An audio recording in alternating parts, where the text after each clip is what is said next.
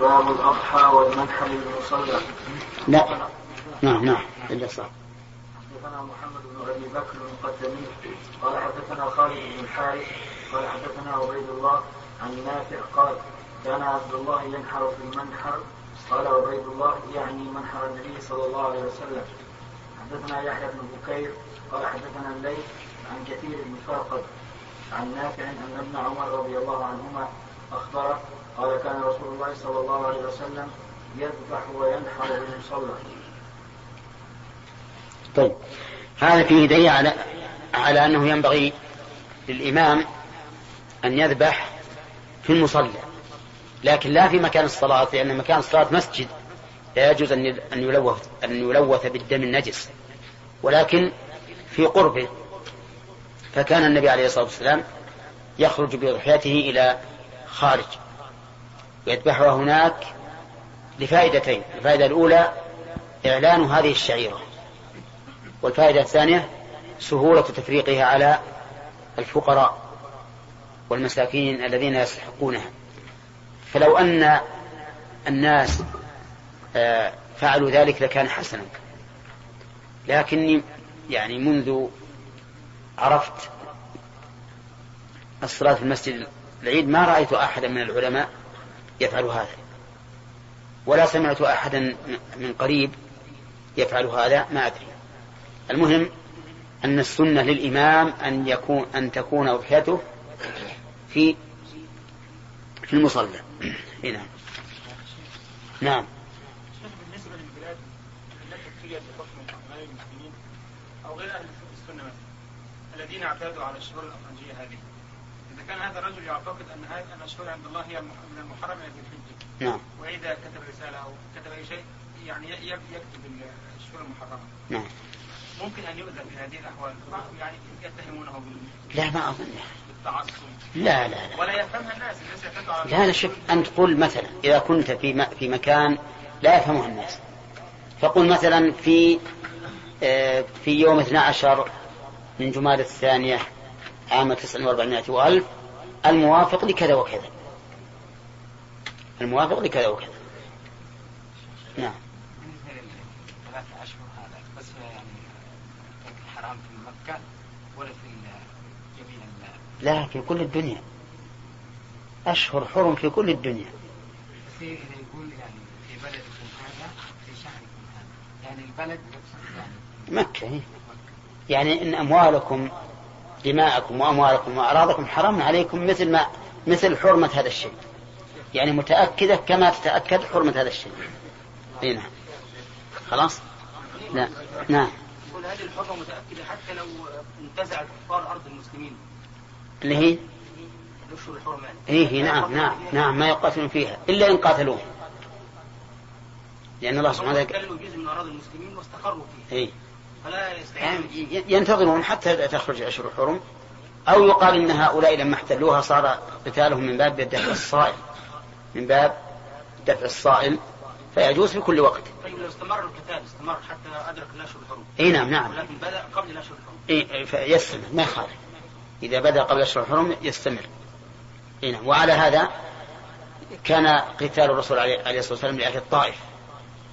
لأنه كان في ذي القعدة وكذلك تبوك كانت في المحرم لأنه بلغه أن الروم استعدوا له يريدون قتاله فقاتلهم دفاعا. نعم. باب في وصية النبي صلى الله عليه وسلم بكبشين أقرنين ويذكر سمينين وقال يحيى بن سعيد سمعت أبا أمامة بن سعد قال كنا نسمن الأضحية في المدينة وكان المسلمون يسمنون. حدثنا آدم بن أبي إياس قال حدثنا شعبة قال حدثنا عبد العزيز بن صهيب قال سمعت أنس بن مالك رضي الله عنه قال كان النبي صلى الله عليه وسلم يضحي بكبشين وأنا أضحي بكبشين. حدثنا قتيبة بن سعيد قال حدثنا عبد الوهاب عن أيوب عن أبي قلابة عن أنس أن رسول الله صلى الله عليه وسلم انكفى إلى كبشين أقرنين أملحين فذبحهما بيده تبعه وهيب عن أيوب وقال إسماعيل وحاتم بن وردان بن وردان عن أيوب عن ابن سيرين عن أنس.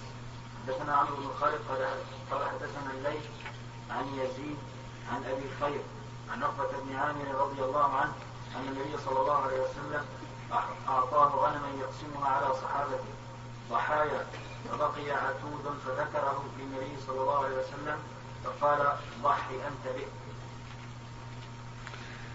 طيب هذا فيه أيضا دليل على أنه ينبغي للإنسان أن يسمن أضحيته فإن لم يفعل فليختر السمينة. إذا اختار السمينة الكبيرة الجسم الشابة كان أحسن وكلما كان أطيب فهو أفضل. وكل هذا داخل في آية واحدة من كتاب الله وهي قوله تعالى لن تنالوا البر حتى تنفقوا مما تحبون وفي الحديث أيضا دليل على أنه ينبغي الإنسان أن يذبح أضحيته بيده وقد سبق ولكن بشرط أن يكون يحسن الذبح فإن لم يكن يحسن الذبح فليوكل قال العلماء وإذا وكل فينبغي أن يشهدها يشهدها بنفسه ليطمئن أكثر. نعم.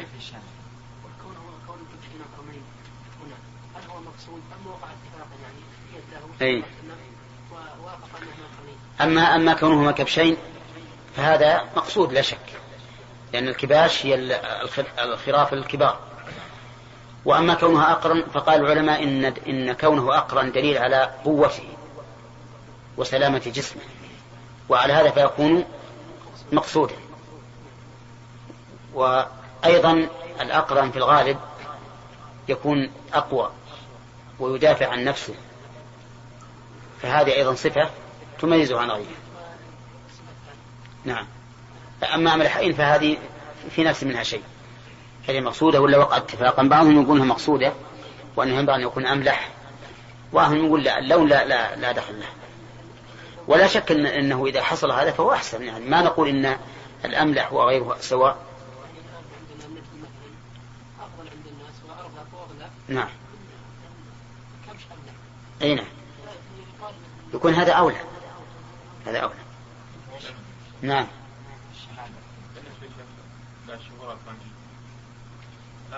بالنسبة عانمين مواقيت معروفة عند الناس هذه ما يعرفونها ولا باس بالضبط لا الفرنجية هذا ما يتعلق بلا أمر ديني ولا دنيوي. معرفة أنه دخل الشتاء أو ما دخل أو خرج مخرج ما وأهل, وأهل الزراعة يعرفونها بالرؤية أن تظن هذه أنه مجرد أوهام اللي مثلا أيام أيام النجوم ما هي مجرد أوهام. نجوم تعرف. أهل الخبرة يعرفونها مثل ما نعرف نحن الشمس والقمر. ما هي بأوهام. استخدامهم بدل من أشهر الفرنجية إذا بغوا يضبطون يضبطون النجوم هذه يستعملون هذه البروج. يستعملون البروج وهي مضبوطة ما تتغير. نعم. حمد ذكرنا من وجود ترديد النحو الثلاثة عدم وجود الفارق بين أيام هذه عدم؟ وجود الفرق نعم نعم. انها مشتركة في الأحكام.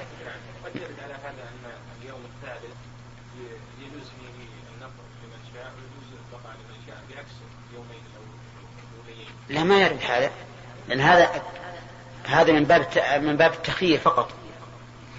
من باب التخيير. فيبتدئ التخيير في اليوم الثاني من أيام التشريق. ولهذا اليوم الثاني من أيام التشريق كاليوم الأول بالاتفاق. مع أن اليوم الثاني يجوز فيه النفر واليوم الأول لا يجوز فيه النفر. هذا بس من باب الساعة في وقت في وقت النفر.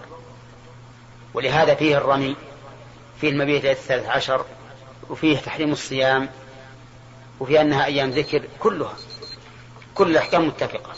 وأما مسألة الخروج في اليوم الثاني عشر نعم فنقول الخروج في اليوم الثاني عشر ليس فرقا لأنه يرد علينا يوم الحادي عشر ما في خروج. نعم. قول النبي صلى الله عليه وسلم لأبي بردة ضحي بالجلد من المال ولم تجزي عن أحد بعده.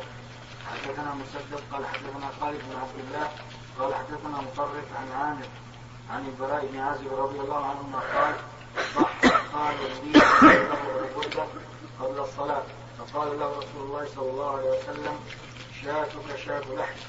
فقال يا رسول الله إن عندي داجنا جذع من الناس قال اذبحها ولم تصلح لغيره.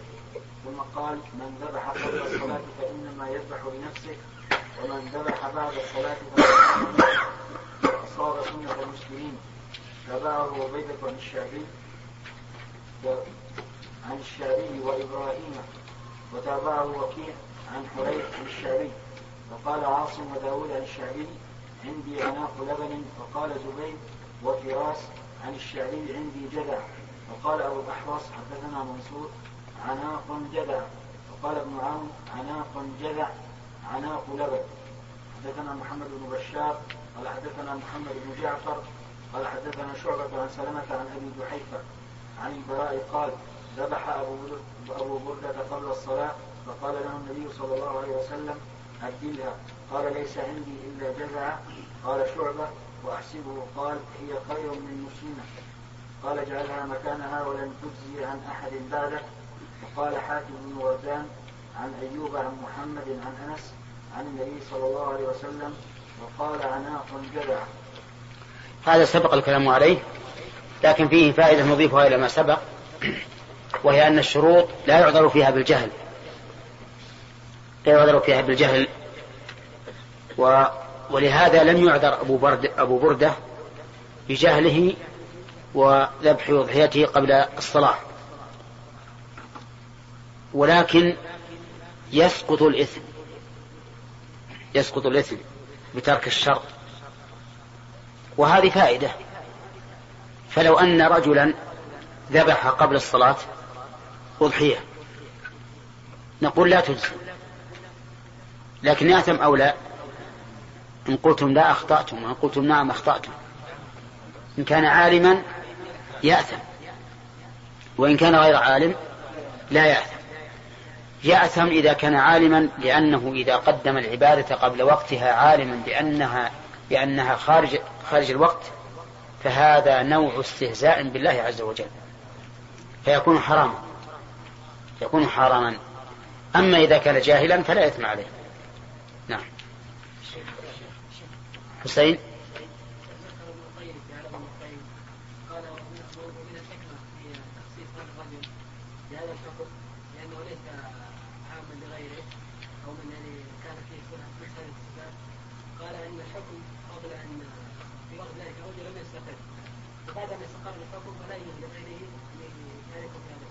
نعم.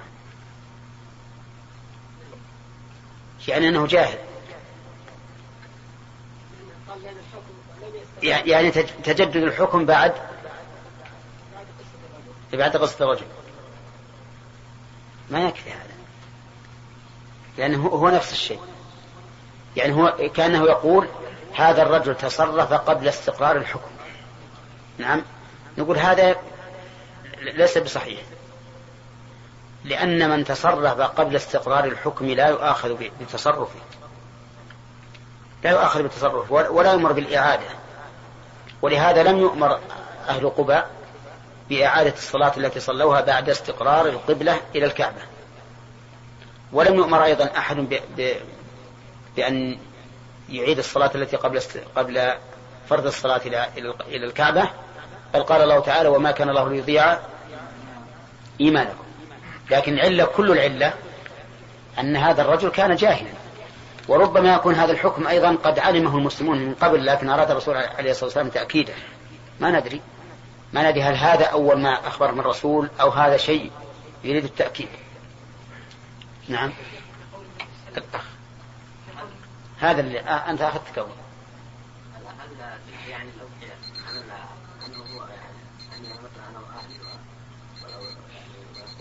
إي نعم. إخوانك إذا كانوا في بيتك إي نعم. يعني تجزي أضحية الرجل عنه وعن أهل بيته وإن كثروا. أما إذا كان إخوانك كلهم في بيت فكل يضحي في بيته. نعم. ها؟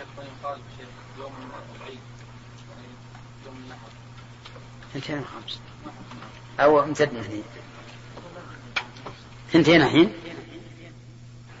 الحمد لله والصلاة والسلام على رسول الله.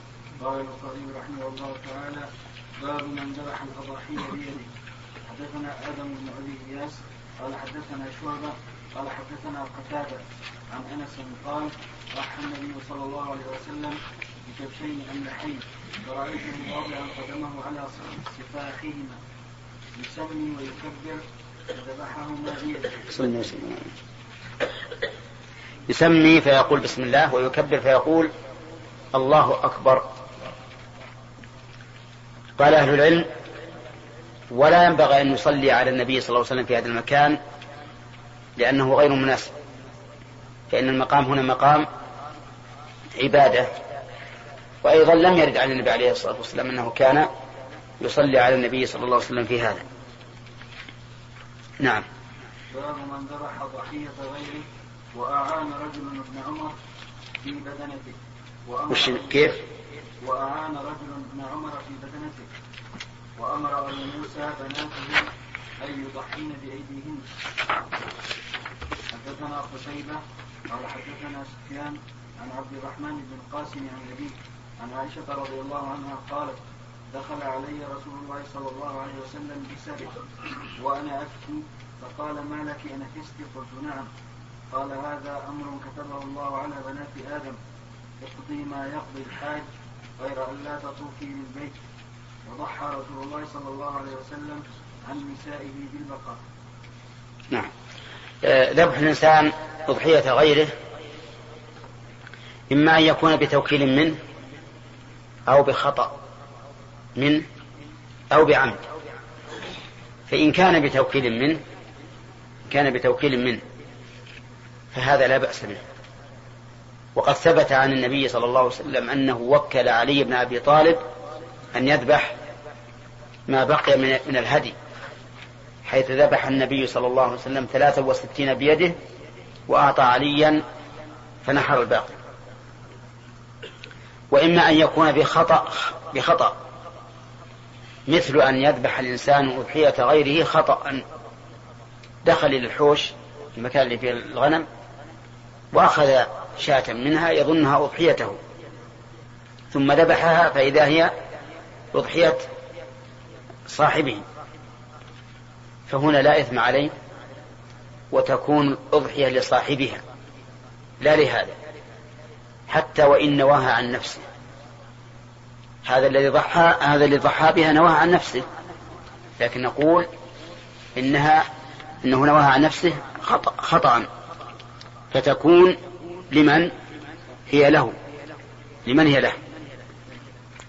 والثالث أن يتعمد أن يتعمد.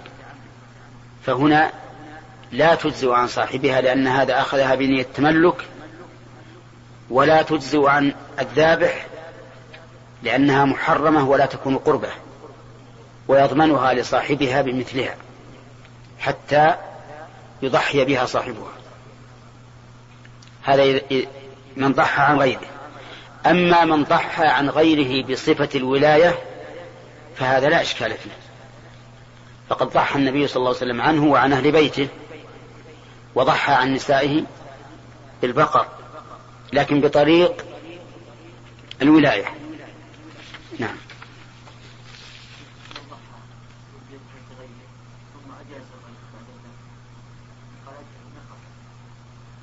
خطأ ولا ولا عمدا قلنا أنها تصح. تقع لا تقع عن الأول. عن صاحبها.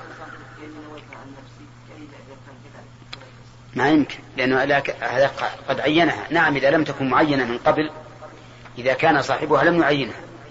أعدها ولم يعينها فنعم يفعل ما شاء.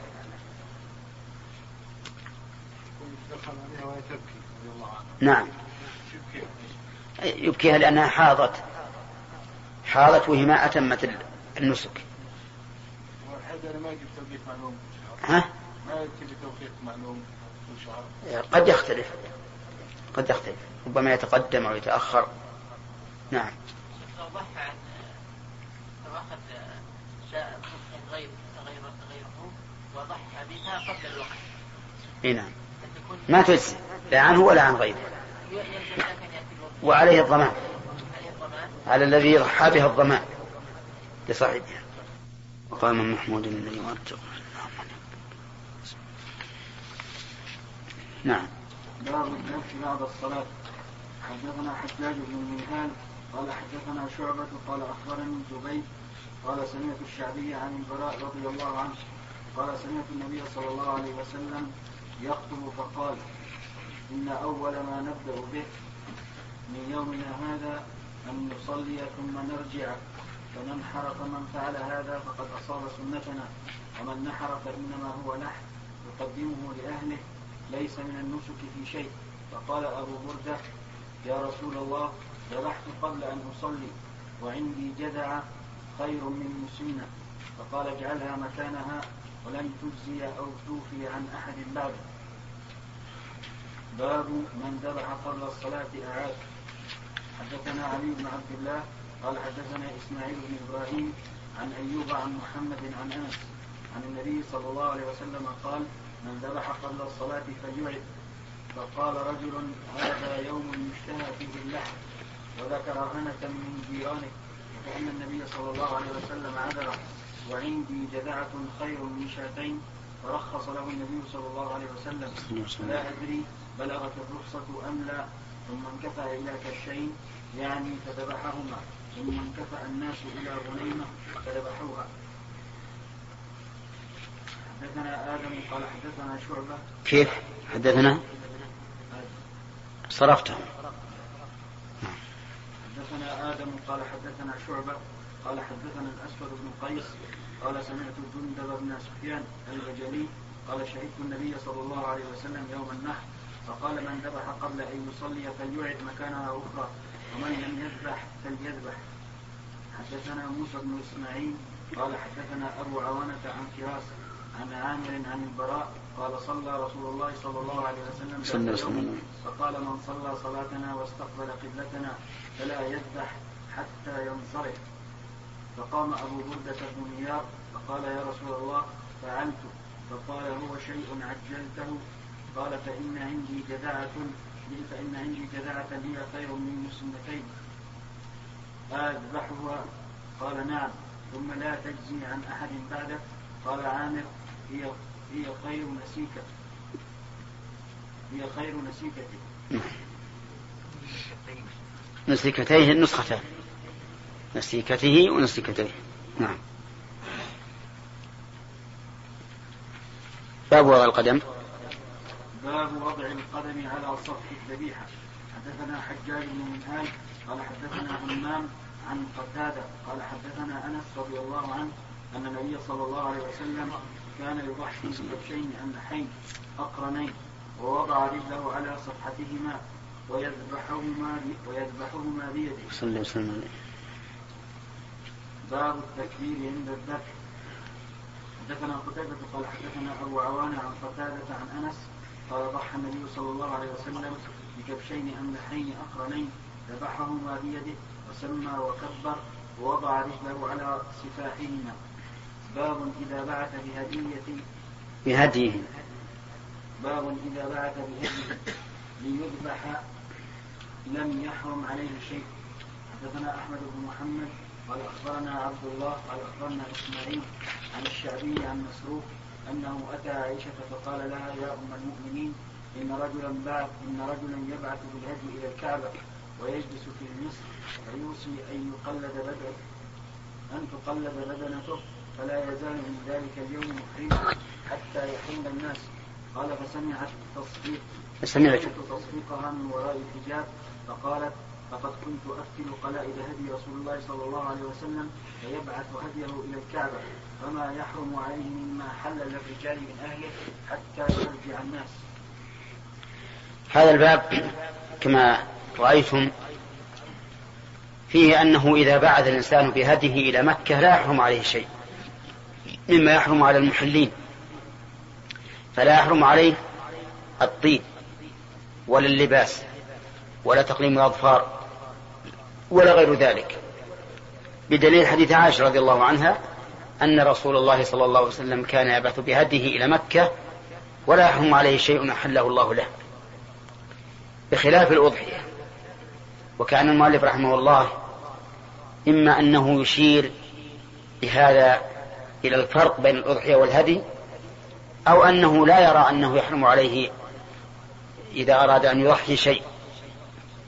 وسنعود إلى كلام الشراح.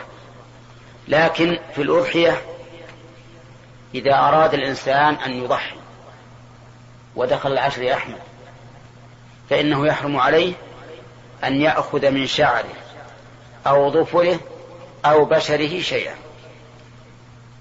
الشعر والظفر معلومان والبشر الجلد. كيف يمكن الجلد؟ يمكن يأخذ منه. بعض الناس يكون في رجليه شقوق في عراقيبه وتجده ينقشها بظفره دائما قطع منها. معروف هذا؟ نقول إذا, إذا كنت تريد أن تضحي ودخل العشر لا تفعل. وهل من ذلك ما لو كان غير مختون فأراد أن يختتن؟ اللي بيضحي ها؟ مثله. إنسان له مثلا ثلاثة عشرة سنة وهو غير مختون إما لكونه أسلم حديثا أو لأي سبب من الأسباب وكان قريب وكان وقت العيد قريبا وأسلم قبل العشر بيوم واحد وأراد أن يضحي فنقول الآن لا تختتن. كذا؟ لماذا؟ لأن الختان سنة واجتناب الأخذ من البشر واجب. اصبر إلى إلى أن تضحي. إذا هذا هذا ممكن.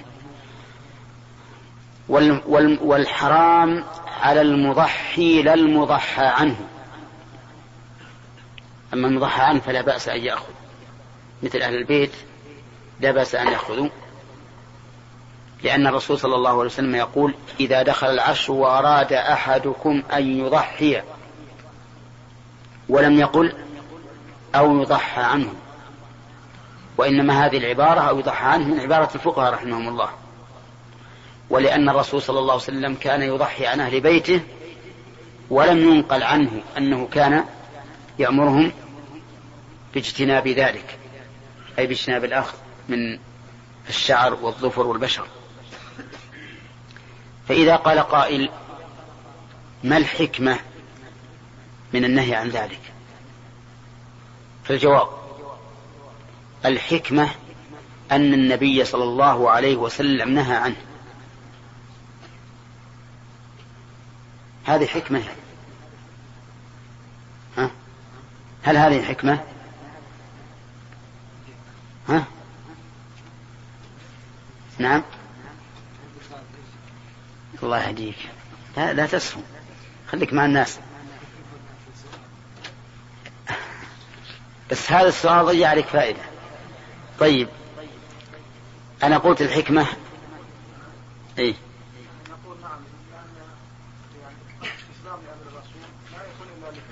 أحسن. بارك الله فيك. دليل هذا أن عائشة سئلت ما بال الحائط تقي الصوم ولا الصلاة؟ قالت كان يصيبنا ذلك فنؤمر بقضاء الصوم ولا نؤمر بقضاء الصلاة. فإن أبيت إلا أن تعرف شيئا تقتنع به فمنهم من يقول إن الحكمة في ذلك أن الأضحية فداء فداء. وينبغي للإنسان أن يبقي شعره وظفره حتى تكون فدية لجميع بدنه المتصل وإيش؟ والمنفصل ومن العلماء من يقول وهو الأصح الحكمة في ذلك أن التعبد لله تعالى بالشيء فعلا أو تركا لا يكون إلا عن طريق الشرع.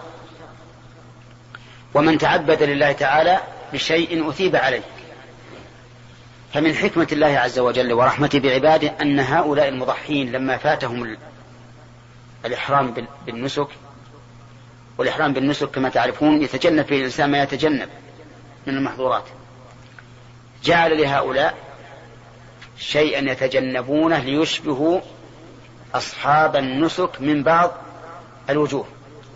كما شابهوا أهل النسك بذبح الأضاحي وهذا كذبح الهدي شابهوه بالامتناع عن بعض ما يكون فيه الترفه فصار هذا من حكمة الله.